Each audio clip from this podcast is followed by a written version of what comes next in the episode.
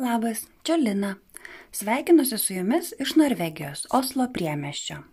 Ir šiandieną noriu jums pasiūlyti pokalbį su Aurima Dėlienė. Psichoterapeutė ir psichiatrė, gyvenančia Prancūzijoje, Bordo, auginančia septynis vaikus ir parašiusi tris knygas, apie kurias šiandieną ir pakalbėsime. Tai labai smagu susitikti, taip kaip dabar visi turbūt ir susitikinėja daugiausiai, zoomais, teamsais ir kitais elektroniniais ir ekrano būdu. Bet iš kitos pusės tai visai smagu, kai atsi... mes ir anksčiau turėjom tas galimybės, bet man atrodo, kad niekad neišnaudojom jų taip stipriai kaip pernai. Tikrai taip. Tikrai taip, visada turėjom ir aš netgi labai kviesdavau daryti konferencijas, na, kadangi kaip esi iš, išvažiavęs, ne visai, kad gali atvažiuoti ar ne į Lietuvą, tai labai visi kažkaip bijodavo, gal na nedrįsdavo, ai maždaug paprašiau viskas, na kaip žinoma, taip ir daroma, ne, o mat, na, visas naujus tokius e, medžioklės plotus nelabai kas ėjo ir taip mes tai labai džiaugiuosi, nes labai labai prasiplėtė ribos ir prasiplėtė darbo baras. Ja. Bet jeigu kalbėt apie darbo barą, tai iš tų arba iš tos knygos, kurią dabar skaičiau, tai jūsų paskutinės, e, tai susidariau įspūdį, kad jūsų klientai dažniausiai ir yra gyvenantis ne Lietuvoje lietuviai, ar ne emigrantai, kitaip tariant. Na, taip atsitiko. Taip atsitiko iš tiesų, gal neplanavau, bet um, greičiausiai, na, kaip čia pasakyti, ar ne, taip artimesnis, arčiau marškiniai tiems, ar ne, žmonėms, kurie tokioj pačioj padėti. Mm. Jo, nes, na, aš irgi esu išvažiavus, ar ne, tai yra visgi labai daug suteikia to bendrumo, kuris e, padeda susikalbėti. Mm. Net ne, ne, ta, ne ta prasme, kad kalba, kalba tai jo ta pati lietuvių, bet ir ne tik, ne tik žodžiais, bet ir suvokimu mhm. suvokimu būsenos gal ar ne, kaipgi ten viskas vyksta, kai tu keiti šalį ar ne, ne, nebūtinai labai drastiškai ten kažkokią kitą kultūrą, visgi europietiškos kultūros, ne, amerikietiškos, tai irgi vis tiek vakarietiškos kultūros, tai nėra kažkas labai tokio tolimo, bet pats, patys pats pasikeitimas, kaip, na, kaip išvykimas ar ne, kaip socialinės aplinkos pakeitimas, nu, vat, tie tos patirtis, jos tokios bendresnės, bendros. Ja. Nors man atrodo, kad iš, iš to, ką aš skaičiau, tai iš tikrųjų žmonės sprendžia iš tų, kur skaičiau. Nežinau, ar taip yra ir su kitais. Kad žmonės sprendžia ne tiek savo tą emigracijos e, problemą, bet e, tai, ką jie spręstų galbūt ir gyvendami bet kur santykių. Tikra tiesa. Tikra tiesa. Savęs suvokimo, savęs radimo, savo kelio radimo, savo mylimo žmogaus galbūt. Tai tie dalykai, man atrodo, jie visiškai būtų tie patys, jeigu žmonės gyventų ir, ir nežinau, Lietuvoje ar, ar, ar bet kur. Bet, taip, taip, bet netgi, netgi tas... vat, aš prisiminiau, kaip dirbau Šveicarijoje ir Šveicarijoje nu, konsultavau ne lietuvius, nu, dirbau ten su jaunimu, su, su, su paaugliais, nu, tokiais jau augusiais paaugliais ir jų tėvais, tai visgi tas atkreipiu, toks atkreipiu tą dėmesį, kad emocijos tai yra tos pačios. Ten įvairių tautų buvo žmonių, ne tik, nu, ten ne, šveicarų nebuvo, didžioji dalis buvo įvairių tautų, iš tikrųjų vokiečiai ir prancūzai ir, ir dar kiti atvykę ir iš rytų šalių nemažai tie visi, reiškia, patekau, tai buvo ligoninė. Ir tikrai teko bendrauti ir vat, emocijos, jos yra tos pačios. Ne, kokia kalba be kalbėtum. Ir, ir, ir problemos tos pačios. Ir ne, tas labai aiškiai man. Nu, kol, kol buvau Lietuvoje, visgi, nu, tu esi kai vienoje mažoje šalyje, ar ne, tai tu toks, nu, visgi matai, tik aplinkui save, tai yra normalu. Tai yra mhm. absoliučiai normalu. Kai atsiduri kitoje aplinkoje, vad, na, to daugiau multikultūriniai, pradedu suprasti, kaip viskas, na, padaryta, kaip viskas arti. Ta pati Amerika, kol aš nebuvau ją nuskridus, tai buvo, nu, kažkur toli ten, nors gyveno daug ir giminių, ir pažįstamų. Bet visgi, kai, kai tiesiog sėdi į lėktuvą ir per, perskrendė, ar ne tą laiką, tą laiko mašiną, taip vadinama, sako, nėra laiko mašina, aišku, kad yra. Bet penktą vakaro po dviejų valandų, reiškia, atgal atsidūrė, ar ne? Tos pačios dienos ryte, nu, tai kaip ne, nelaiko mašina, ar ne, tai kaip juokinti. Jo. Ir tada, kai pasirodo, kad tai labai arti, labai arti ta Čikaga, na kas čia nuo to Paryžiaus, visai atgal netgi. Tai va, tai, tai taip, taip, pasaulis pasirodė visai mažas. Mhm. Tas yra tas pats kažkada kalbėjomės e, su tokiu psichiatru ir psichoterapeutu, kuris e, dabar įsikūrė Osle. Ir e, netiek daug jisai turėjo laiko išmokti kalbą, bet pradėjo dirbti ligoniniai. Tai akivaizdu, kad ten norvegiškai ir, ir su norvegais. Ir aš sakau, bet kaip, kaip, tai juk tai yra psich, psichiatro, psichoterapeuto visas darbas yra kalbėtis, bendrauti, suprasti vienas kitą nes nu, tai yra esmė, atrodo, ne, pati šerdis e, veiklos. Ir jisai sako, taip, ir aš turiu suprasti, ir tai yra svarbu, bet sako, tos mano kalbos žinios, nu labai aukštas jų lygis, nėra tiek svarbus, svarbu, kad jie išreiškia save visiškai laisvai ir gali pasakyti tai, ką jie nori savo gimtają kalbą, visiškai taip, kaip jie nori. O aš sako, man užtenka tiek kalbos žinių, kad aš suprasčiau, ką jisai turi galvoj teisingai ir kad galėčiau, kad ir neteisingai, bet su juo kalbėtis.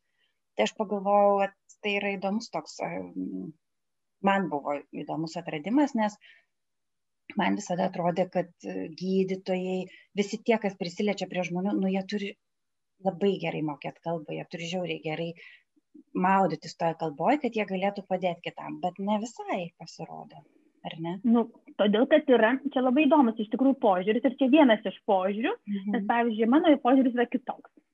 Mhm. Ir kitoks pasakysiu, kodėl ir kaip, ar ne, bet aš dirbau tikrai nelietuviškai, ar ne, bet aš dirbau būtent kaip psichiatrė. Ir man pajaučiau, kad vat, kaip psichoterapeutė, na, aš labai apribota esu. Mhm. Labai apribota būtent dėl kultūrinių dalykų. Ir tas galbūt iš dalies tiesa, kad dėl kalbos, bet kalba vėlgi, nu jo, va čia yra dalelė tiesos, kad pati kalba, na tu ją vis tiek išmoksti, gali naudoti pakankamai daug žodžių, išreikšti ar ne, bet visgi neišreikšti tam tikrą prasme emocijos yra sunku išreikšti. Ir, na, va, būtent psichotera psichoterapijoje, tai visgi tai yra daugiau dvasiniai dalykai. Nes psichiatrija viskas tvarkoja, ligoninė viskas tvarkoja, aš pritarčiau nes ligoninė, na, aš dirbau 17 metų ligoniniai, nežiūrint to, kad aš visgi buvau daugiau konsultantė ir ne, ne, ne tik tai, na, bet vis tiek gydytoja, ne, ir žinau, kas tai yra, tai yra visgi medicina yra viskas tvarkoja. Tu tiesiog turi gydimo schemas, tu turi diagnozės. Tu, tasme, tai yra vis, nu, viskas labai suderinama su, su, su ta ligonė, kurioje tu dirbi, tu vis tiek turi laikytis tų reglamentų, tų reikalavimų, tai yra na, e, kažkoks tai netgi kaip ten vadinasi, mano pareigybinės instrukcijos, ar ne, ką aš turiu padaryti, mokėti ir turiu padaryti ir viskas šitą tvarkoja ir už tai gaunu algą. Ir aš tikrai nu, dirb, galiu dirbti ir turiu dirbti na, nuoširdžiai, kiek aš tiek, kiek aš sugebu, bet tai yra medicina, tai kaip sakau, viskas labai yra aišku. O psichoterapija jau yra truputėlį kitaip, jau platesnės tos ribos. Ir mano nuomonė, tai yra visgi daugiau dvasiniai dalykai ir tokie mentaliteto dalykai, kultūriniai dalykai. Tai yra tai, kas visgi iš mūsų praeities ateina. Dėl ko vat, ir aš pasirinkau dirbti su lietuviais, nes visgi mano dar kartoje ir dar, ilg, dar kelias kartas visgi sieks šitas palikimas, vat, močiučių ar ne mūsų viso e, okupacijos, karo reikalai, visas tas išgyventas dalykas, jis yra perduodamas, bet, na, labai aiškiai perduodamas, tiesiog kaip, kaip su kokiu lagaminėliu, kaip su kažkokia kuprinėlė, bet įteikiamas savo vaikams, tie vaikai kitiems vaikams, o dabar su tuo esu, kaip tik labai dirbu su tuo. Ir tas labai aiškėja, aiškėja vis. Ir manęs čia prašė konsultuoti prancūzus, ar ne kai kurie, bet neturi lietuviai, mišrios šeimos ir turi ten kažkokius e, tėčius, ten mamas ar ne uošvius ir aš tikrai atsisakiau, nuoširdžiai sakau, žinai, aš galiu kaip psichiatrė, galiu paskirti vaistus, ne, tai nėra problema, tai yra schemos tam tikros, aš žinau jas ar negaliu diagnozuoti pagal simptomus, bet psichoterapijos aš negaliu daryti, nes aš nežinau tos, to žmogaus istorijos ir kultūros šalies, kurioje jis užaugo. Bet, o Lietuvos vis tiek vienaip ar kitaip aš esu prisilietus prie to paties, bet aplinka. Bet dėl ko sakėm, kad nors ir gyvenam bet kur, mes jaučiam tą patį, bet aplinka yra 50 procentų, kuri mus įtakoja. Ir čia jau reikia būti toje aplinkoje. Ir kodėl lietuviai tada renkasi mane, ar ne, arba nu tokius pačius kaip aš išvykusius, nes visgi irgi aš esu tos aplinkos veikiama mhm. ir jau galiu suprasti, ar ne, nes iš tiesų tikrai daug žmonių, kurie gyvena užsienyje ir kreipiasi mane, sako, na, aš mėginau kreiptis į Lietuvoje gyvenantį, ne, neišėjo nieko. Kodėl? Todėl, kad aplinka, suvokimas. Tai vad lygiai taip pat man suvokti, reiškia, prancūzo dvasinius dalykus, jo patyriminius, kultūrinius dalykus.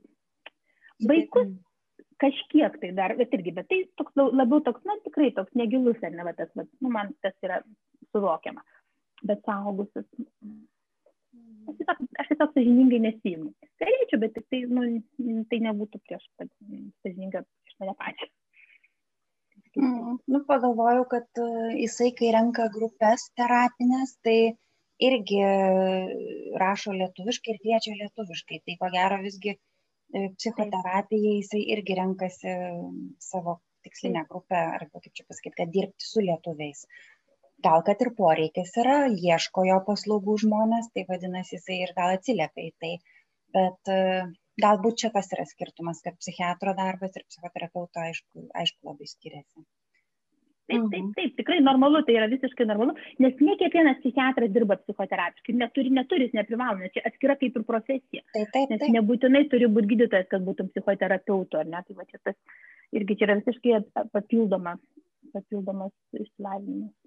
Mm šiaip įdomu yra psichoterapeuto išsilavinimas, jis labai skirtingai reglamentuotas arba pats išsilavinimas, kaip gali tapti tuo psichoterapeutu, labai, aš žiūriu, skirtingai yra skirtingose šalise ir yra universitetai, kurie turi tam tikras pakraipas, yra didelės labai mokyklos ir visiems žinomos ir pažįstamos ir pripažintos yra mažytės.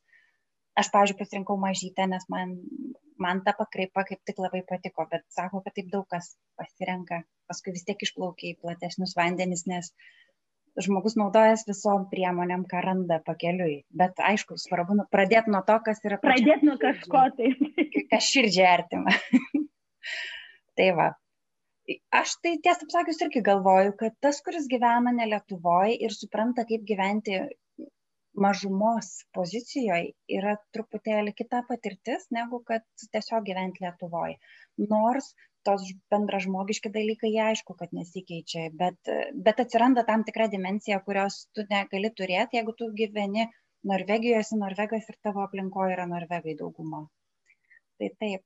Aš dar pagalvojau dabar apie tokią knygą, kur parašė mm, Vilniaus universiteto psichologijos, man atrodo, katedros gailienė, jeigu aš dabar neklystu, mhm. ką jie su mumis padarė, visą tą istorinį psichologinį portretą, kaip mums pasikeitė ir ką mes atsinešam, nežiūrint to, kad galbūt, pavyzdžiui, jau ma, aš nebeturiu jokios tremties patirties, bet taip, tai, kad aš nesvarbu, girdėjau, nesvarbu. Tai, kas tas, tose mano smegenyse, taip sakant, stuburo smegenyse vis dar yra ta patirtis, ta baime, galbūt tas kažkoks, bet tos visos patir ir jos labai eina per, per kartas. Ir man tas yra iš vienos pusės jaubinga, kad taip nelengva yra atsikratyti ir, ir išlipti iš kažkokių traumų, kurios įvyko netgi galbūt ne su tavim ir net galbūt ne su tavo šeima. O iš kitos pusės radau jūsų knygoje tokią irgi e, mintį, kad, kad šeima turi tokį bendrą imunitetą ar ne, kad mes sergam ir gal džiaugiamės ir kartu, tai galbūt ir tauta turi kažkokį irgi truputėlį to bendro imuniteto, ar ne, kad mes esam tam laukia, kur galim ir sirgti visi kartu ir galbūt išgyti visi kartu. Aš nežinau, ar galima išgyti, galima išgyti visiems kartu. Galima, aišku, tai žiūrėkit, mes dabar ir pandemijoje irgi labai gražus pavyzdys, ar ne, tiesiog visas pasaulis, ar ne, viename inde atsidūrė.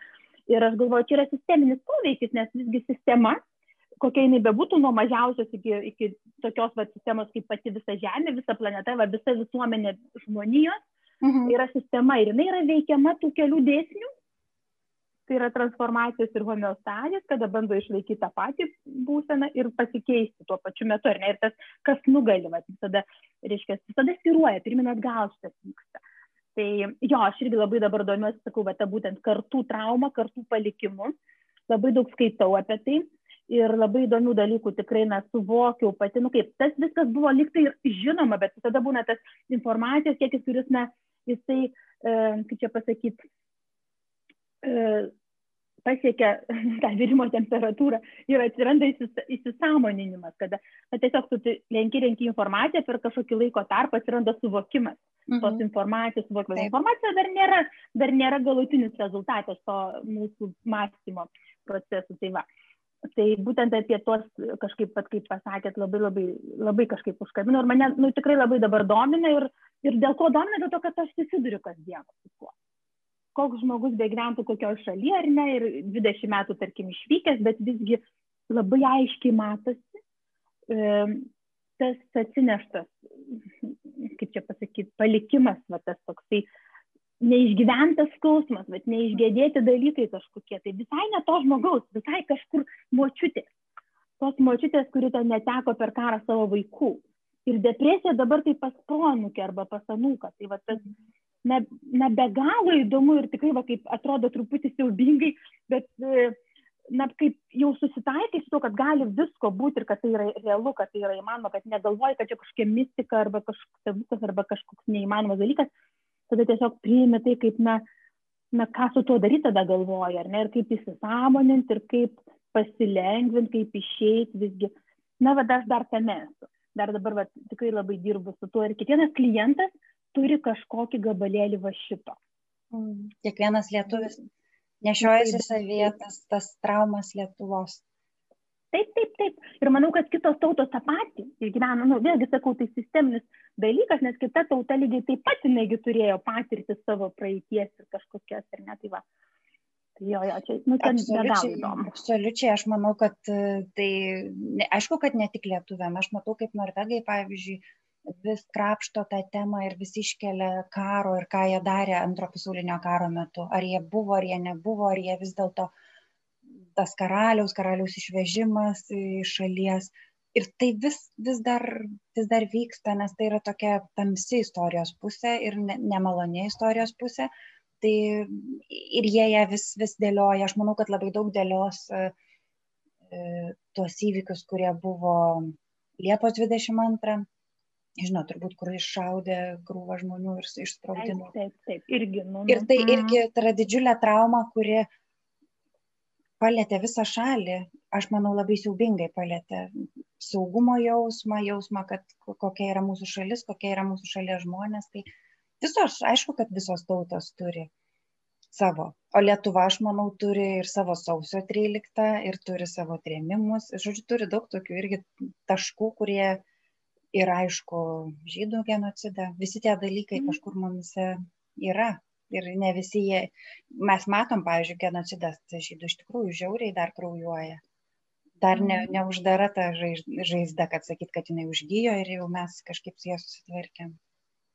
Na, na ir kiekvienoj, va, tokia, nu, kažkiek, kažkokiam žmoguje, ne, bet va, tas irgi persiduoda, tarsi, vis sakau, tą aplinką, mes vienas kitą veikiam, kaip sistemai visos dalis, mm. bet vienas kitą įtakoja ir tada, nu, toks bendras pasidaro, gal net ne, ne konkretus įvykis jau paskui, ne konkretus ar ne kažkoks tai tas trauminis įvykis, bet e, bendra emocija, tai, va, pavyzdžiui, apie tą per paveldėtą depresiją mes kalbam. Tikrai apie paveldėtą depresiją, kur žmogui na, neturėtų būti dėl ko depresija turėtų, ar ne, kodėl jisai liūdesyje sėdi, atsisveikinti niekaip negali, ar ne su kažkuo tai, kažkuo tai visai ne savo.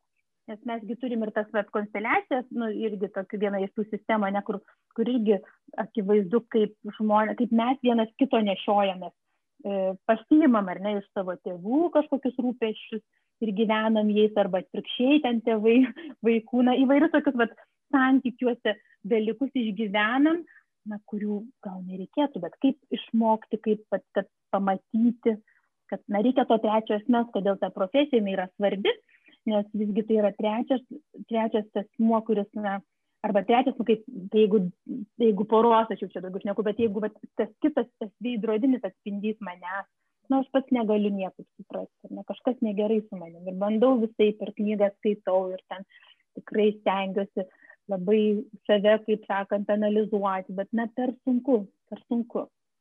Taip. iš šono geriau matosi, kaip sakom. Tai tokios tai traumos arba šeimos istorijos kažkokios tamsios ir galbūt neišgėdėtos, neiškalbėtos, jos per konsteliacijas. Aš va irgi galvoju, norėjau klausti, bet galvoju, to niekur knygoje nebuvo. Bet tai yra tas būdas, kuris leidžia šiek tiek išjudinti dalykus ir pamatyti. Taip, taip. Vienas iš būdų toks, na, visos, nu, daug labai yra tų būdų, tai ir psichodramos, nu, tai čia panašu labai arti, va, psichodrama yra konsteliacija, tai praktiškai tas pats.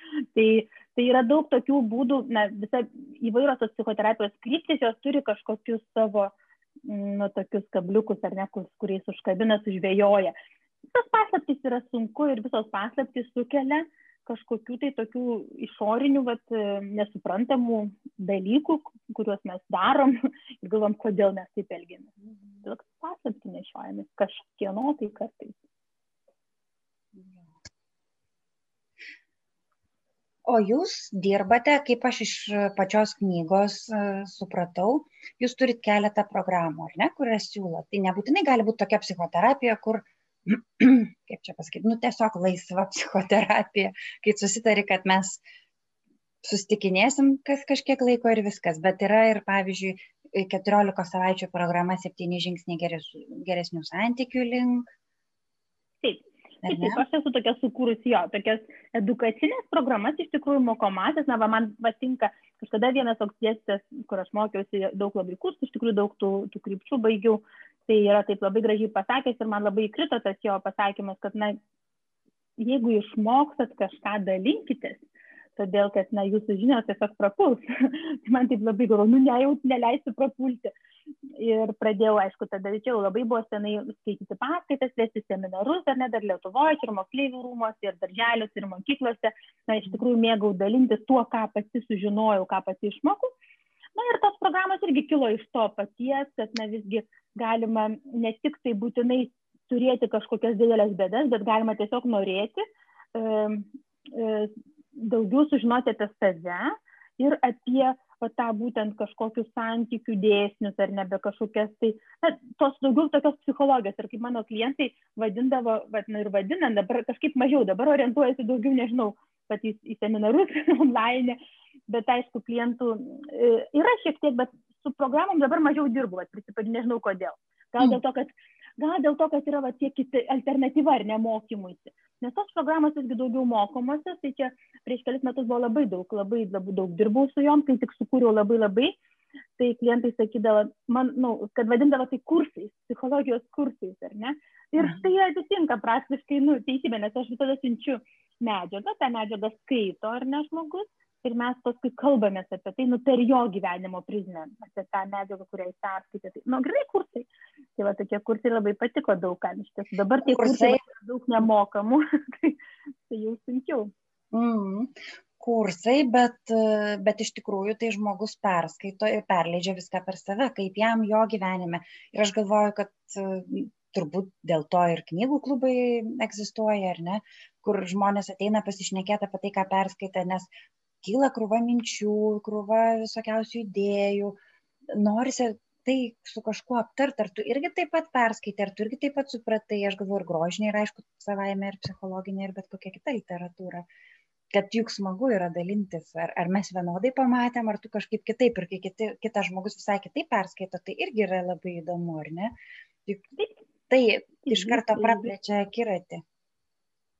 Tai matuojamės ant savęs viską, ar ne, iš tikrųjų, matuojamės ant savęs. Nu, va, tos programos, jo, tai ten aišku, na, aš dabar čia taip lengvai pasakiau, bet iš tiesų tai ten daug giliau viskas yra, nes tiesiog tikrai žmogus tada, na, aš esu tas, kuris visgi rodo ar neparodo jau gilesnius dalykus, ką galima būtų apčiuopti ir ne, ką galima būtų įsisamoninti, visgi kas trukdo, nes išlenda būtent tie nes per namų darbus, na, tada žmogus priversas yra kažkokius vat, atlikti namų darbus ir įsigilinti pati save jau kryptingai, konkrečiai. Nes pagrindinis nu, darbas yra klausimai. Tai yra vat, būtent užduoti klausimus, tai ne tik nu, kaip coacheriai mėgsta, ne tai coachingo toksai, bet psichoterapijoje irgi yra e, klausimai ir mm. klausimus atsakinėja ne psichoterapeutas, ar ne, o bet, bet jisai veda į tos klausimus. Tai bet aš galvoju žmogui labai dažnai sunku atsakyti visokius vat būtent tokius klausimus egzistencinius Ir kai tu perskaitai kažkokią teoriją, kažkokį straipsnį, knygą, tai tu jau turi atspirties tašką. Aš galvoju, kad galbūt ir tiem, kurie intravertai galbūt yra, arba galbūt tie, kuriem yra sunku atsiverti kitiem žmonėm ir apie savo jausmus pasakot, jiem, man atrodo, tai yra labai tokia gera paspirtis, nuo ko jie gali pradėti. O tada jau nueiti iki ten, kur reikia, ar ne? Taip, bet toks man atrodo tokia pagalvė, nuo kurios tu nekietai ne nukrenti į savo tas problemas, o taip trupučiuką švelniau. Man labai patiko tas. tas, tas, tas Aš pastebėjau, kad žmonės iš viso neina, va, į, neina į terapijas, ar ne, vien tik tai dėl to, kad sako, aš nežinau, ką kalbėti. Mhm. Arba jeigu ateina ir, pavyzdžiui, susiduria tokia patirtim, kad na, terapeutas nu, tiesiog laukia, kol jisai kalbės, ar ne? Aš turėjau tikrai tokių klientų, vat, kurie ateina, sako, žinokit, aš, neg... aš buvau, sako, jau buvau, bet sako, negalėjau, nu, neišbuvau, nes aš neturėjau ką kalbėti, visą laiką tylėjau, ar ne, ir, ir, nu, ir terapeutas nekalbėjo, ir aš nekalbėjau, ir tada, nu, viskas baigėsi fiasko. Tai va, tai čia gali būti va šitas, nu, iš šitų žmonių kategorija, kur, na, iš tiesų turi būti ta pagalbė, kažkokių žodžių duoti žmogui, ar ne, tai va, ta galbūt mhm. teorija duoda jam žodžių šiek tiek na, na ir terapeutas tuos klausimus uždavinėti, ar ne visi turėtų nu intensyviau, nes nu, tikrai žmogus neranda žodžio, kaip pasakyti, aš net gali būti ir nežinoti, gali būti labai dėlį blokai, gali būti labai dėlė savigina.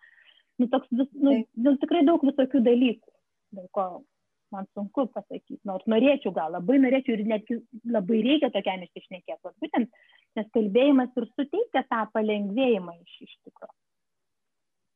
ir netgi pavyzdžiui aš pati esu pakankamai plepi ir bendraujanti man nesunku yra bendraut su žmonėm bet kai dabar jau kai studijuojam mes turim eit ir savo asmeninę terapiją. Tai aš jaučiu kartais irgi jūs sakot čia yra tavo kambarys čia yra tavo laikas tavo dispozicijoje aš esu tavo taip sakant paslaugoms. Ir ką dabar ką tu nori pasakyt? Ir aš nežinau ką aš noriu pasakyt nežiūrint viso savo plepumo galvoji, ką čia pasirinkti ir apie ką aš turėčiau, nes tai yra pakankamai nelengva, taiga susi, ką išsirinkti ir, ir į kokią kryptį, į kokią čia pusę, apie ką čia pakalbėti, nes daug ką galim pakalbėti. Bet tai yra labai nelengva, aš galiu pasakyti taip iš to paciento pusės, ar kliento, sako psichoterapeutai.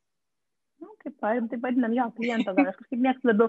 Klientas, nu, pacientas yra ligonis. Ligonis, taip. Jo, tai yra čia, ligoninė, tai yra pacientas. Mm. O čia klientas, žodžiu. Tai va. Aš e, pas, e, skaitydama knygą pasižymėjau keletą dalykų, kurie man taip arba įstrigo, arba kažkokį klausimą sukėlė. Tai aš galiu pabandyti pa, juos e, keliauti. Žodžiu, penkios meilės kalbos ir prieraišumo tipas, aš taip galvoju, tai yra jūsų, taip sakant, toj knygoje bent jau tai yra visiškai ašis aplinkui, ką sukasi viskas, ar ne, kaip mes mylim, kaip mes kalbam savo meilį, kaip mes priimam kito reakcijas ir kaip mes apskritai žiūrim į pasaulį. Tas prieraišumas, aš galvoju, dabar jis irgi labai populiarus, aišku, tapo. Bet tai yra. Buvo. Ir visada galbūt buvo, bet gal mažiau buvo toks ištrimituotas. Tai, bet dabar jau daug, man atrodo, žmonių apie tai ir žino. Ir ta saugus, nesaugus prisirišimo tipas. Ir, ir pats tas požiūris į pasaulį, ar ne, kaip mes kartais bijom to pasaulio, kartais jo pasitikim. Su tuo pasitikėjimu yra sudėtinga. Ir aš galvoju, gal emigrantai turi dar kažkokį vieną užsideda sluoksnį, kur pasitikėti tą visuomenę, kurios tu nepažįsti, kuri tau nauja, kurios tu ne visai supranti, yra sunkiau. Ar tas, ką mes atsinešam, pavyzdžiui, saugumą, jausmą, kad nugi neblogas kitas pasaulis, nu niekas gi manęs čia neskriaus. Tai jis labai nuo to priklauso, kaip tu sugebėsi adaptuotis, kaip jums atrodo, ar, ar, ar susiję tie dalykai. Labai susiję, nes aš pasakysiu, tikrai pati prisipažinti, va čia irgi mes turime ne tą istoriją, tą savo patirtį, kur nu negali pasitikėti, visada turi būti budrus ar ne, tu visada turi būti pasiruošęs, nes pasikeitimai po pasikeitimo, na vėlgi, vėlgi skirtingos kartos, ar ne skirtingais augo, reiškia, bet visada buvo keitėsi, kažkas keitėsi, valdžia keitėsi, pinigai keitėsi, nu, belekas keitėsi. Ir aš, na, lyginu, pavyzdžiui, save su prancūzais, nu, kur pas juos ten keitėsi, bet ne taip. Ir yra daug ilgesnė, ar ne, va, ta užgyventa patirtis tos, nu, tokios stabilumo, ar ne, kažkokios ramybės, kur, kur nu nieko man neatsitiks, nu neteksiu darbo, nu tai kas, tiek ne, ne, net nėra minčių, kad, kad aš eisiu ten kažkur prie konteinerio. Visi mhm. lietuviai, net ir turtingiausiai, jaučia, na, tikrai tą būtent e, skurdo baimę. Tas ne visiškai neįsisamoninta skurdo baimė, kur yra jau ne jų, bet iš tenai. Iš tenai, nes atimdavo ir atimdavo kažkada žemės ir tu atsiduri ant, nu, ant nieko. Ir mhm. Žmogus, kuris dabar gerai uždirba, turi geras pajamas, jisai jaučia tą baimę va, iš savo kažkokio senelio. Įsivaizduokite, ne, nu, sakau, čia yra mistika, atrodo, skamba kaip mistika, bet kai tu kalbėsi žmogum, tikrai negali, jis taip pat negali paaiškinti, kas su juo ne taip ar ne, o čia va tas. Bet grįžkim prie to, nu tai va, čia saugumas, ar ne? Ir aš pati tikrai prisipažinsiu, ką aš dariau, aš atvažiavau į šitą šalį mokytis pasitikėjimo. Mhm. Realiai, nes šitoj aplinkoje aš jaučiu, kad yra šitas, nu, šitas jausmas, jisai egzistuoja, jisai egzistuoja šitoj sistemai. Ir ką aš galiu padaryti geriausio, tai aš galiu, na, pasisemti, ar ne, na, prisigerti, kaip sako, ne, ne, ne per burną, bet, na, prisi, kaip čia pasakyti, sugerti, ar ne, iš oro šitą pasitikėjimo jausmą. Na, ir aš tą tikrai darau ir aš dariau bet nu iš karto atvykus aš tą dariau ir man man pavyko aš labai džiaugiuosi man pavyko. Negaliu sakyt kad aš jau visą kaip sako pasiekiau ar ne ko norėjau dar ne bet bet aš tikrai tą labai aiškiai jaučiu kad aš galiu pasitikėti pasauliu. Mhm. galiu pasitikėti pasauliu. Nežiūrint kitų smulkmenų čia šita tauta irgi turi savo ne ten ir purvą ir ten nepatenkinti ir streikai ir visa kita. Čia o čia visko yra labai smagiai bet aš asmeniškai mokausi šito vat jausmo, kad na nieko nenutiks, kad jeigu aš kažko nežinau, arba kažko nemoku, arba kažko, na, kažkas, žodžiu, tai, tai, tai yra ir kitų žmonių, kurie na, padės arba, arba mane išmokins, arba man pasakys, kaip daryti, nu, vat, jo čia gali būti emigracija aš tikiu kad ne su manim viena ar ne? Jeigu aš tai reiškias ir ir kiti tą patį gali jausti va tas labai smagu. Tik reikia turbūt sąmoningumo leisti sau šitą dalyką. O kaip sau tai leisti? Nes aš pagalvojau čia yra skurdo baimė taip kad kad o jeigu tu priimsi kažkokius negerus sprendimus tai tu labai stipriai nukentėsi ir gal visa tavo šeima nukentės ir vaikai ir ta baimė yra tokia ir už tave ir už kitus. Bet kita baimė kurią mes manau kad irgi turime, nes Lietuva turi tokį gan konkurencingą požiūrį į vienas kitą, kad mes konkuruojam ir mes tengiamės būti geresni, tai yra neblogai, bet tada mes truputėlį ir bijom kritikos ir bijom suklyst, nes mums atrodo, kad jeigu tu padarysi klaidą, tu už ją turi būti nubaustas, nu, nes iš karto aplinka sureaguos, ar ne? O čia aš, pavyzdžiui, ką aš pastebėjau, kad niekas tavęs taip iš karto nepasmerkia ir tau atleidžia tavo klaidą, net jeigu tu padarai kažką ne taip, kaip jie tikėjus, ne taip, kaip reikėjo, tai jie tau leidžia pasitaisyti, tau pasako, ką reikia padaryti ir leidžia pasitaisyti ir daro tai be pykčio, kas yra, taip sakant, gerų tėvų, man atrodo, tokia labai formulė, kuri žiauriai padėtų, jeigu pataisytum vaiką ir nesupyktum, tai aišku, idealu. Bet aš galvoju, kaip, kaip tai galima sugerti, ką daryti, kad sugerti tą, tą tai, dalyką. Taip, tai va tą ir gerkit. Ir žiūrėkit, o kaip gerti? Į dešimtuką, į dešimtuką, tikrai į dešimtuką patekti, nes va, jūs, jūs irgi va, būtent toje aplikoje va, tą jausmą, ar neturit, va, būtent jau matot. Bet tai čia ir yra aplinkos poveikis, ar ne, žiūrėkit, lygiai taip pat kaip saulė. Tai jeigu jūs išeinate į lauką, su tamsiais akiniais ir apsirengus visą taip, kad tik tai kišo nosis, kad kvepuotumėt, tai saulės jūs negausit, ar ne? na čia tokia mhm. paralelė tos metafora kad na aš turiu atsidaryti. Tai reiškia kad aš neturiu užsi nu pasislėpti nuo šitos aplinkos kurioje yra tai ko man reikia. Bet aš turiu nu vis tiek sąmoningai suprast ko man reikia. Ar aš mhm. noriu to pasitikėjimo ar aš toliau pasiruošęs nepasitikėti. Nes patikėkit na mano klientų tarpe tikrai labai nemažai žmonių kurie atvažiavau su lietpalčiu ir nenusirengsiu jo nesvarbu kad šilta na perkeltine prasme aš saugausi dalykų, kurių jau nebereikia saugoti. Uh mhm. -huh. Bet aš vis toliau jų saugausi. Tai čia ir yra, va, dėl ko sakau, va, tas irgi, nu, ta mūsų profesija, va, tai ir, na, tuo ir gera, kad, na, visgi reikalinga, ar ne, kad, na, yra žmogus, kuris sako, duok man tą vietą, nereikia tau jo. Padėkim, išmeskim, jūs palik reik be jo. Uh ir padrąsinimas, ar ne, padrąsinimas, kad tau jau nereikia kažkaip, kad, nu, tam reikalingas, aišku, terapinis ryšys, kad pasitikėtum to žmogu, kad patikėtum, kad tikrai, kad jeigu aš atėjau pagalbos, na, tai aš jau tą pagalbą irgi arba turiu priimti, arba nu jau tada, ko tu ten atėjai. Mhm. Jo, bet, nu, kaip gerta, tai aplinka, būtent aplinka yra, yra viskas. Viskas, kas, kas yra aplinkui tai yra aplinka. Tai netgi man labai patinka, aš ir savo vaikams sakau, na, dėl tų draugų pasirinkimo, ar ne, kad tu esi visgi tas vidurkis penkių, su kuriais bendrauji dažniausiai. Tai jeigu tu bendrausi su visais liūdnais, su visais nelaimingais, su nesise, kuriems nesiseka, na kodėl nesiseka, nes jie, nu, nu taip, jie, jie taip gyvena, nu tai ne dėl to, kad jie kažkokie vargšai ir blogi. Tiesiog jie va, taip pat renkasi ar ne savo kažkokį kelią, nežinau kodėl, įvairiai. Tai ir tikrai va savo paaugliams sakau, tai sakau, visgi pažiūrėk, kas tavo draugai. Jeigu tu nori būti geros nuotaikos, tai tu būk su žmonėmis, kurie yra geros nuotaikos kurie yra atkaklus, kurie dar nu, susiras savo aplinkoje tokių žmonių, susipažink su jais. Bet jeigu tu nori, jeigu tu jauti, kad ar ne, kad tu ten tik padedi visiems, ar ne, čia jau yra profesionalo darbas. Jeigu tu esi paprastas žmogus ir visą laiką bendrauji tik su nu, depresiškais liūdais sergančiais ligoniais.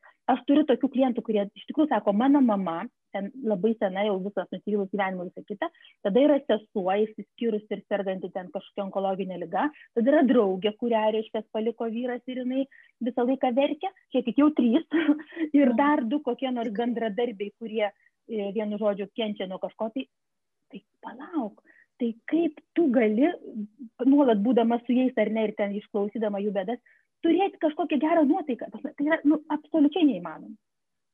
Tai reikia sau leisti, jeigu jau mamai ar ten sesiai, tai čia jau tu vis tiek jau čia šeima, tai bet leisti savo kažkokį bent porą žmonių, kurie pakeltų tą ir bent jau vidurkis pasidarytų geresnis. Samoningai, ar nesąmoningai, žiūrėkit, matyt, atrodo, taip nepagalvotum, kad taip gyveni, nu, taigi jau padėti negalėsi sakyti, reiškia. Ir aš tikrai, va, sakau, tokių turiu klientų ir ne vieną, karts nuo karto vis ateina, ar ne, su tokiom, bet, na, su, su depresijom, su blogom nuotaikom, su, su neviltim gyvenimo, ta prasme, beviltiškumas. Ir tada, kai pasižiūrimo, kas aplinkui ir supranti, kad, na, aš niekaip neištrauksiu to žmogaus iš tos, iš tos uh, liūdėsio, tos liūno, ar ne, jisai turi kažką daryti, kažką tikrai savo aplinkoje pakeisti, nes yra 50 procentų įtakos. Mhm. Na va, ir tada kalbam iš tikrųjų, o kaip galiu pakeisti, ar ne, o kiek aš galiu mažinti buvimą, nes nereikia atsisakyti tos mamos, nereikia atsisakyti tos įtars, bet tiesiog, tiesiog sumažinti nu, buvimą laiką ar ne su juo ir padidinti laiką kažkur su kitu žmogum, kažkokioje kitoje aplinkoje, kažkokį savo pomėgį surasti. Viskas, va, toks paprastas, nu, nemokamas dalykas praktiškai, bet kol tau kažkas nepasako, jie akis taip sugalvoja, nu, taigi aš viską darau, kodėl man tai blogai, kodėl man tai blogai. Galvo. Aš galvoju dabar, kad kai mes mokėmės mano išsilavinimo vadyboje, tai buvo labai irgi toks dėstytojas, kuris sako, jeigu tu nori daryti gerą karjerą, tau reikia labai pagalvoti, su kuo tu draugauji ir su kuo tu susipažįsti, nes tie žmonės, ypač pradžioj karjeros, jie tave veda į priekį. Ir labai sąmoningai reikia pasirinkti va, tuos, ko, kuo tu nori tapti, kuo tu nori būti, tos tokius mentorius arba kažką, lyderius ir bu, atsirasti toje aplinkoje, kuri tave kelia į viršų ir veda į priekį. Nes jeigu tu atsirasi kažkur, kur visi sėdi tyliai, niekas nevyksta, tai labai tikėtina, kad po kažkiek laiko tu irgi sėdėsi ir nieko net negalvosi. Tai čia iš esmės tinka viskam, žodžiu, ir karjeros planavimui, ir, ir, ir gyvenimo. Bet, bet reikia tų tokių, kurie tave truputį trauktų kažkur, kur tu ne, ne vien tik taip pat savo jėgom. Tai čia tiesa. Tai taip, nes mes, mes sakau, bet mes sistemoje, iš karto atsiduriant sistemoje, mes įtakojam vienas kitą ir ne kaip sistemos dalys ir, ir tai yra apykaita ir, tarkim, bet santykiai su hierarchiniai santykiai, tai yra jeigu su savo lygiais, tai aš mainausi, vyksta mainai. 60 procentų yra mainai, 20 atidavimas, 20 gavimas ir 60 procentų yra mainai. Tai kuo aš mainausi su tuo aš ir, bet irgi žiūrėti, ar ne, kiek aš atidavinėjau, nes jeigu aš, atidu, aš atidavinėjau 80, tai tikrai šimtų procentų po pusės metų aš jau liksiu irgi pats, nu, kaip sakant, likas basas, ar ne, jeigu, nu, kad ir santykios atidavimas vyksta. Mm. Ir, ir tada va, tos bėdos irgi kyla, bet iš tų, iš, iš tikrųjų, kodėl, va, žiūrėk, emociškai irgi energetiškai, nes mamos, kurios tik su vaikais ar nebūna, va čia yra tas pats, tai yra atidavimo, tada atidavime sėdim ir galiausiai pats, na, iš, ištenki. Nes jeigu tu turi būtinai rasti tą aplinką, kurioje gali mainytis, keistis tą energiją, keistis informaciją, keistis emocijom kažkam. Ir gauti. Tai čia kalbat apie tai, ką vadinat, ar kas vadinasi iš tikrųjų, emocinių rezervuarų, ar ne, kad mes turėtume iš kur pasisemti ir kad jis vis pasipildytų, nes kai jau mes išduštėjame ir išdžiūstam, tai labai tada jau mhm. sunku kažkam kitam, tiem patiem vaikams. Nes neturim ką duoti. Švelnumo, meilės. Mes atidavinėjom, taip, kantrybės. atidavinėjom. Mhm. mhm. iš kur tu gausi, reiškia, reikia rasti ir iš tų vyresnių, iš kurių mes, mums duoda, ar ne, va, tas davimas ir gavimas, tai yra na, iš vyresnių gaunam, iš, tai nebūtinai amžių vyresnių, ar ne kažkokių daugiau turinčių. Ir iš jaunesniem atidavinėm, tai jeigu mes tik su jaunesniais bendravime, ne tik su už save, reiškia, na tai tas tiekėjimas nuo kalno ir vyksta, kad aš atiduodu, atiduodu, atiduodu, tada nu, lieku tuščias. O kai lieku tuščias, aš esu pažeidžiamas realiai, ar ne, visokių aplinkos veiksnių, visokių dirgiklių, visokių kliučių, tos kliūtis mane tiesiog įkrintina į duobę, nes jeigu aš būčiau pilnas, aš net neįkriščiau tą duobę iš tiesų. Būtent, būtent, kad mūsų taip, kaip mes jaučiamės, taip kaip mums apskritai, ar mes sotus, ar mes išsimiegoję, sotus atsigėrė visom prasmėm. Bet ir fizinė irgi neišsimiegojęs, pavargęs, e, apšauktas kieno nors, tai aišku, kad mes pasidarom daug e, pažeidžiamesni.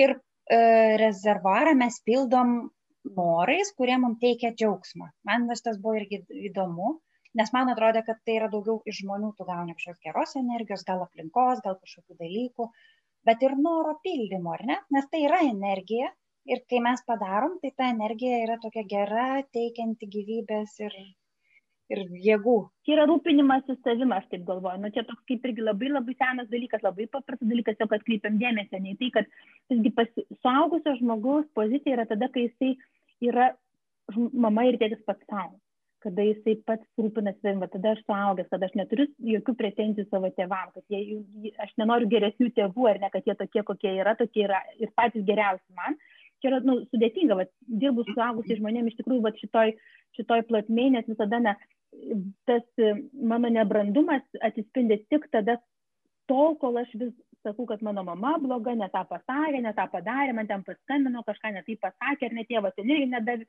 nedadavė kažkokių pinigų, ar nežinau ko, nors žmogui 35. Tai va tas rodo, kad nu nebrandus tas 35 metų žmogus. Tai jeigu jisai va, nori jau būti suaugęs žmogus, tai jisai tikrai turėtų jausti tik dėkingumą savo tėvams ir tik pagarbą, reiškia, ne, ne, nu, jokio, jokio reiškia, nenurodinėti ar ne, nei kaip jisai ten turi gyventi, nei ką jisai turėtų man dar duoti. Tada aš brandus. Ir tada lieka tik man tas, kad aš, na, turiu sugebėti pasirūpinti pats savim. Tai reiškia, kad viską padaryti savo, ar ne, savo poreikius patenkinti ir kad tada galėčiau tenkinti savo jau mažesnių, ten, šeimos narių poreikius, jeigu jų yra. Mm. Pirmiausia, savo kaip lėktuve, jeigu aš neužsėsiu kaukę savo vaiko, aš nes, nespėsiu išgelbėti, ar ne, o kitas deda vaiko, o paskui, nu, žodžiu, nu, numiršta. tai čia, čia labai paprasta logika. Ir tada tie norai, jie tiesiog yra kaip būdas, ar ne, kaip degalinės, kad, na, jeigu aš turiu suprasti, ko aš noriu, nes jeigu aš visą laiką lauksiu, kad kažkas man kažką duos vėl tas pats nebrandumas, nes vaikystėje būtent taip yra, mes vaikai, mes, mes mylim save, meilę nukreiptai save tada nu, iš tėvų, ar ne, duok, duok, duok, duok. Nu, okei, okay. tėvai ten jau, kaip sakant, nusprendė, ką duot, ko neduot. Ir tas yra atsakinga tėvystė. Bet paaugęs žmogus, jisai pats turi suprasti, ko aš noriu. Ir ne visada norus reikia visus pildyti, bet, bet surasti tai, aš, kas patenkintų mano poreikius, pagrindinius dvasinius, psichologinius poreikius. Nekalbu apie maistą ir vandenį, čia jau kitas klausimas. Jau čia praeid, nu, tikiuosi šiais laikais jau. Nors yra, žinau, kad, bet, bet mes apie tai nekalbame. Bet apie tos dvasinius psichologinius aš turiu tikrai pats susigaudyti, kogi aš noriu. Ir su moterimis, mumis tas yra sudėtinga, nes mes neretai nežinom, ko noriu. Labai neretai. Ir tada atsiranda kaltų kažkokių ar ne, kad va, tas kaltas, kodėl, kad aš nelaiminga, nu atsiprašau, jis iš vis ne prie ko. Bet aš įsitikinu, kad jisai prie ko ir tada einu ieškoti kito. Gal kitas man duos, ko aš noriu, kai aš nežinau net, ko aš noriu bet ne, net neišsiaiškino iš tikrųjų. Nes viską, ką jis duoda, man netinka. Man tiesiog netinka ne taip. Ne taip. Mhm. Daug tokių dalykų. Bet e, tai yra sudėtinga su tais norais ir su tuo, su tuo, kad aš esu pats atsakingas už savo laimę ir kad niekas tavęs negali padaryti laimingu. Tai irgi tokia mintis, kuri labai jinai nu, neguli patogiai man, pavyzdžiui, galvoj. Nors aš su ją sutinku, bet jinai man atrodo, bet juk tikrai, kaip, pavyzdžiui, kartais, nu, padaro tave laimingą kažkas, nu, nežinau, naminis gyvūnėlis, žmogus, vaikai gimė, padaro gimus laimingus, ar ne? Man toks prieštaravimas, bet juk gimsta vaikas auga ir tu vien dėl to, kad jie yra tavo gyvenime, tu jau vien dėl to jautiesi laimingas, kai pagalvoji apie tai bet galbūt tai reiškia, kad aš jos ir pasigimdžiau, ne, ir tą Būtent. kačiuką pasiėmiau pati ir pasidariau savo laimės, taip sakant. Taip, taip, taip, taip, bet mes vėl grįžtame atgal prie to, ką, ką pradėjom nuo aplinkos. Tai kas, kokioj aš aplinkoj esu ar ne, o kas mane ten nunešė, aš, mano kojos, ar ne, pasižiūrėjau, mano kojos, aš su kam neėjau. Kad ne kažkas mane ten nunešė, nu kai aš jau, mhm. kol aš jau vaikščiot moku. Tai, tai va, apie saugusio žmogaus yra tas, kad, na taip, be abejo, be abejo, kad aplinka tai jinai daro didžiulę įtaką, 50 procentų mano laimės, mano daro aplinka. Kas tą aplinką renkasi? Aš, jeigu aš renkuosi liūdėsi, tai aš būsiu liūdnas, ne aplinkoje. Taip, taip, pačia tas toksai ir tos noras, kad aš turiu nu, rinktis taip, kad atsakingai, kad aš aišku galiu visko prisinorėti, prisidaryti, o po to dar nuo to ir verkti, nes galvoju, galvoju, kad bus ne taip, ar ne, norėjau, kaip geriau. Nu, taip irgi dažnai atsitinka, ar ne? Labai norėjau, gavau, ne, nepatinka. Taip, taip, irgi būna. Bet tai irgi yra normalu žmogui kartais ir apsigalvoti, ir pa, paėti žingsnį į priekį, gal kartais truputį atgal ar iš šono, tai čia nereikia savęs pasmerkti taip greit. Nu, nu. Tai va, apie tas klaidas labai gražiai pasakėt, kad norvegai ir aš, na, pastebiu, kad ir prancūzai irgi, na, va, nu, kažkokios va tos tautos, va, mes tikrai va turim mokytis, mes lietuviai, na, išėję, ar ne, iš, iš tos savo aplinkos, visgi atrandam tų dalykų, kur galima klysti kad tu, kad tu nu, viskas gerai su tavimi, nu, suklydai, nu ir kas. Bet kai aš neleidžiu savo klysti, ką aš darau, aš ir kitam neleidžiu klysti. Tada ir kitas yra, na, hmm, aš jį būtinai, tarsi, savo galvoju nuteisiu, jeigu ten ne kažką ar ne. Bet jeigu aš savo leidžiu, kaip pati irgi labai mokomės ir, ir aš mo, nu, moku, ar ne, ir tą žinutę perdavinėjau savo klientam konsultacijų metu, visgi, na, pradėkime nuo to labai sunku įsisamoninti, labai labai sunku. Kad aš galiu klysti, nu kaip tai, ne, ne, nekalbam apie tai, kad gali daryti beleką. Vėlgi, ar neturim ir normas, ir, ir, ir moralės kodeksus, ir visokias taisyklės, ir, ir, ir išmokti to netgi va, dabar pedagogam vedu iš tikrųjų seminarus, labai smagu man, kad, kad turiu tokią galimybę Lietuvos pedagogam ir mes kalbam apie ūkdymą ir, ne, ir apie tai, kad išugdyti vaikuose paklusnumą yra labai svarbu, paklusnumą tam, kad jisai, kai užaugs, sugebėtų laikytis kažkokių elementarių kelių eismo taisyklių. Nors jeigu jisai nesugebės, tai yra sugebėjimas paklusti tai vat yra kaip, kaip ugdymas, kaip sugebėjimo, kaip savybės, kad aš turiu išmokti paklusti, aš turiu žinot, kur paklusti ir kur paprieštrauti, kur apginti savo nuomonę. Man tai tas paklusti man iš karto skamba taip negatyviai, išmokta vaiką paklusti, tai toks nusilenkti ar liktai susimažinti. A. Nors e, man irgi buvo labai įdomu, kai vaikas, vaikai darėjo į darželį ir paskui jau tie jau paskutiniai metai, kai jie jau pradės į mokyklą, tai irgi darželio personalas labai tada jau susirūpinę, jie moko vaikus, tik tai jie niekad neįvardino kaip paklusti, bet klausyti nurodymų, nu kas yra tas pats iš tikrųjų, ar ne? Bet tai yra esminis, sako, dalykas vaikui išmokti, nes jis eis į mokyklą, ten bus jų didesnė daug grupė ir tu sėdi ir tu turi, va, pavyzdžiui, mokytojas sako, atsiverskit knygą, ten dabar padarykit tą ir tu turi reaguoti arba dabar einam visi į lauką, jis turi reaguoti, atsistoti, eit. Ne, ne, ir niekas nepaims jau už rankos, nes jų truputį per daug. Jie jau yra truputėlį savarankiškesni ir jis jau turi sugebėti, taip sakant, išgirsti ir padaryti tai, kas jam yra nurodoma. Ir tai yra žiauriai svarbu mums visą gyvenimą ane, gauti nurodymus, suprasti, kas yra. Jeigu nesupratau, signalizuot, kad nesupratau, nežinau, kas tai yra, kur, kaip man čia daryti. Arba jeigu supratau, tai tada daryti. Arba jeigu aš supratau ir man atrodo, tai yra nepriimtina, tai dar irgi sakyti. Man tai kažkaip tai ne, netinka, aš taip nedarysiu. Bet irgi tada reikia išmokti būdą, kaip tai pasakyti taip, kad tai nekenktų nei aplinkai, nei mokytojai, nei dar kam nors, ar ne tai va čia aš atsimenu kad man buvo labai įdomu kad jie būtent tų dalykų moko tuos vaikus kad jie suprastų įgustų ir tada mokykloj jam daug lengviau. Ne tik aplinkai bet ir tam vaikui. Kai tu jauties kad aš suprantu aš taip sakant go with the flow tai tu jautiesi gerai o ne kad tu visą laiką kažkur buksuoji vargšas būtent. Tai aš sakau paskui suaugusių pasauliui tau yra daug normaliau ar ne gyventi nes tu labai normaliai supranti kad čia reikia na įstatymų laikytis ar ne ne ne ten nesistengti jų visaip vengti arba ten na tiesiog tu visai kitaip visuomenėj jautiesi va čia yra nuo vaikystės. Bet man kas irgi patiko aš buvau nu irgi tau kokį kultūrinį šoką pa pa pa patyriau be jokios abejonės kai atvažiavom ir nuėjau į pirmais metais į susirinkimą ketvirtokų nu dabar mūsų lietuviškai būtų penktokų turbūt ar ketvirtokų gal ketvirtokų Ir mano irgi, e, reiškia, dukra ten mokėsi ir, ir, ir aš girdžiu, kaip sako, ar ne prancūziškai, aš dar ten, nu taip, liktai jau supratau, bet visgi dar galvojau, gal aš blogai supratau, ir grįžau vyrui paskui, sako, ar tu tikrai gerai supratai. O kalba buvo apie tai, kad, sako, mokite tėvams, sako, nesijaudinkit, sako, mes rašyt ir matematikos juos išmokysim. Dabar, sako, mūsų pagrindinė yra užduotis išmokyti jūsų vaikus, pasakyti taip ir ne. Ir paaiškinti, kodėl.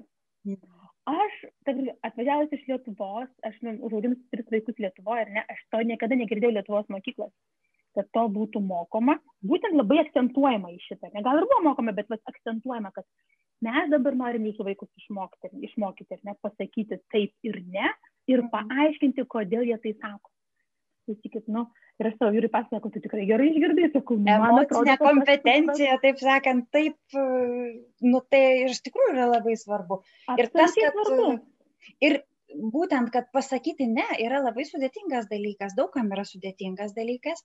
Tai jeigu tu to išmoksti nesijausdamas kaltas, nesijausdamas nepatogiai, tai, tai yra labai puikus dalykas, nes tada tu visur tą gali panaudot ir neužlipt pats ant savęs, nes tai yra kartais svarbu. Ne mes pasakom taip, bet iš tikrųjų nenorėjom, bet paskui kankinam. Apie tą ir kalbai. Bet, bet tai esmė yra mokėti tą nepasakyti taip, kad tu, ne tai nereiškia, kad tu turi kitą įžeisti arba kaip nors grubiai jam tai pasakyti, arba su pykčiu, nes tu dabar jau pyksti. Paprastai ta emocija, pyktis, labai dažnai yra antrinė emocija, kuri slepia galbūt, kad aš pats nepatenkintas, kad pasakiau taip, nepatenkintas, kad čia aš dabar tai darau. Ir tada man ta frustracija kyla kaupėsi ir paskui jinai galiausiai, bet, kad aš jau užpykstu, pasakau, jau dabar tai jau tikrai ne, nes jau trūko. Gal, kad pyktis yra skirtas apginti savo ribas, ar ne? O tas apginti ribas reikia išmokti, tai nu, normaliai, sakytais, konstruktyviais būdais. Tai man sakau, tas buvo unikalu, kad 90 metų vaikus moko šitų dalykų mokyklai kaip, tai kaip privaloma, reiškia, svarbiausia dalyka Ir tas buvo, sakau, aš buvau sužavėta, aš tokia išėjau, galvoju, o Dieve, aš turbūt sapnuoju, ar ne, kad mano vaikai iš to išmoks, buvo fantastika. Na ir, ir tai yra pilietiškumo ūkdymas, ar ne, ir galiausiai, na irgi mes žinom, šitą tautą be jokios abejonės ir sugeba, ar ne, bet pasakyti ne, kada, nu, ir kartais tam aš tai ten šaipausi, aišku, jokiuosi, bet, bet dėl to, kad man neįprastas iš kitos kultūros. Bet čia viskas įprasta, čia streikas yra labai įprasta, čia nepatinka, aš einu ir, ir manifestuoju, ar ne? Ir, vat, nu. Bet nėra keista, kad jie tą moko 8-9 metų vaikus, ar ne? Net ir pagal Eriksoną. Tai yra tas tarpas tarp 12, kur arba menka vertiškumą išsivystai, arba kaip tik jausmą, kad aš galiu ir darau ir tokį neprofesionalumą, bet tą vadinamą, kad aš galiu, Taip. aš produktyvus. Tai lai, tuo pačiu laiku, kada reikia, aš sakau, aš mm -hmm. sakau, ar aš sapnuoju, galbūt, aš, aš žinau, tai visą tai tikrai. tikrai Bet juk prancūzai irgi žino, ta prasme, tą teoriją ir jie tiesiog pritaiko. Kasgi būtų, tai. kodėl keista, kad tu taikai ūkdymo metodiką pagal tai, ką mes žinom, kaip vaikas vystosi ir ką jam reikia įveikti tuo metu, ar ne? Tai labai. Tai čia man buvo keista iš kitos šalies. Nu tai taip, o čia atidirbta sistema šimtą metų, reiškia, jau yra pedagogikos, nors čia yra daug ir, nu, minusų tokių, bet yra labai daug tokių tikrai būtent bazinių, pamatinių dalykų, kurie sudėlioti iš senų laikų, iš tų visų, nu, jau, jau sužinotų teorijų, žinom, jos taikomos yra tiesiog. Taip. Ir, ir, ir, ir, ir nelabai nori keisti, ar net yra pasipriešinimas pasikeitimam visokiam, nors keičia, keičia po truputį yra tokių irgi judesių, nes gana konservatyvu, bet labai labai kai kur labai taiklu, vat, mano, mano akim žiūrint, ar ne to, ko trūksta šalyje, kuri iš tikrųjų labai maža, labai visas, labai jauna šalis, kur labai labai viską, iš pradžio atsisakau visko, po to viską pradedu nuo iš naujo ir tai yra labai sunku. Švietimo sistemoje tai yra wow. Čia yra iš tikrųjų labai svarbus dalykai, tie pamatiniai, baziniai, kurie darys, kada, kada, kada reikia, viską, nu vienu žodžiu na tai va tai aš esu aš tikrai labai patenkinta va buvau tuo tai galvoju dieve nu tikrai pilietiškumas ir visa kita na iš išugdoma iš iš mažens tada kada reikia tada kada laikas kada vaikas tą gali geriausiai paimti ir, ir į save irgi groti. Taip, taip. Aš žiūriu, kad mūsų valanda jau prabėgo. Jo. Aš tai dar turiu klausimų, bet aš žinau, kad jūs jau sakėt, kad valanda čia jūsų, tai, tai kas turbūt turit bėgti toliau, ar ne? Bet šiaip tai man labai įdomu ir man buvo labai įdomu skaitant, aš savo prisižymėjau dalykų, pavyzdžiui, kad konfliktuose mes būnam raganosiai arba ežiukai ir kad, pavyzdžiui, pas jūs, jūs minite, kad yra keturios pagrindinės emocijos - džiaugsmas, liudesys, pyktis ir baimė. Aš galvoju, o tai kur yra, e, pavyzdžiui, pasibjaurėjimas, tas, kur buvo, atsimenate, filme Inside Out, jeigu matėte, tai ten mhm. penkios jos buvo veikėjai.